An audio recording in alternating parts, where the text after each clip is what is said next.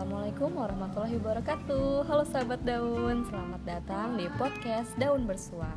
Sebelum kita ngobrol-ngobrol banyak, baiknya kita ta'aruf dulu yuk Karena pepatah mengatakan tak kenal maka ta'aruf. Nah kalau misalkan teman-teman ada yang nanya nih ya Daun, daun tuh apa sih gitu?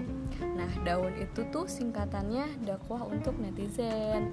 Nah e, tujuannya dibikin daun itu adalah untuk menyampaikan sebuah kebenaran, kebermanfaatan, kebaikan gitu yang disampaikan dengan penuh cinta dan kasih sayang. Karena orang-orang yang beriman dan mengerjakan kebaikan, kelak Allah yang Maha Pengasih akan menanamkan rasa kasih sayang di dalam hati. Selamat mendengarkan.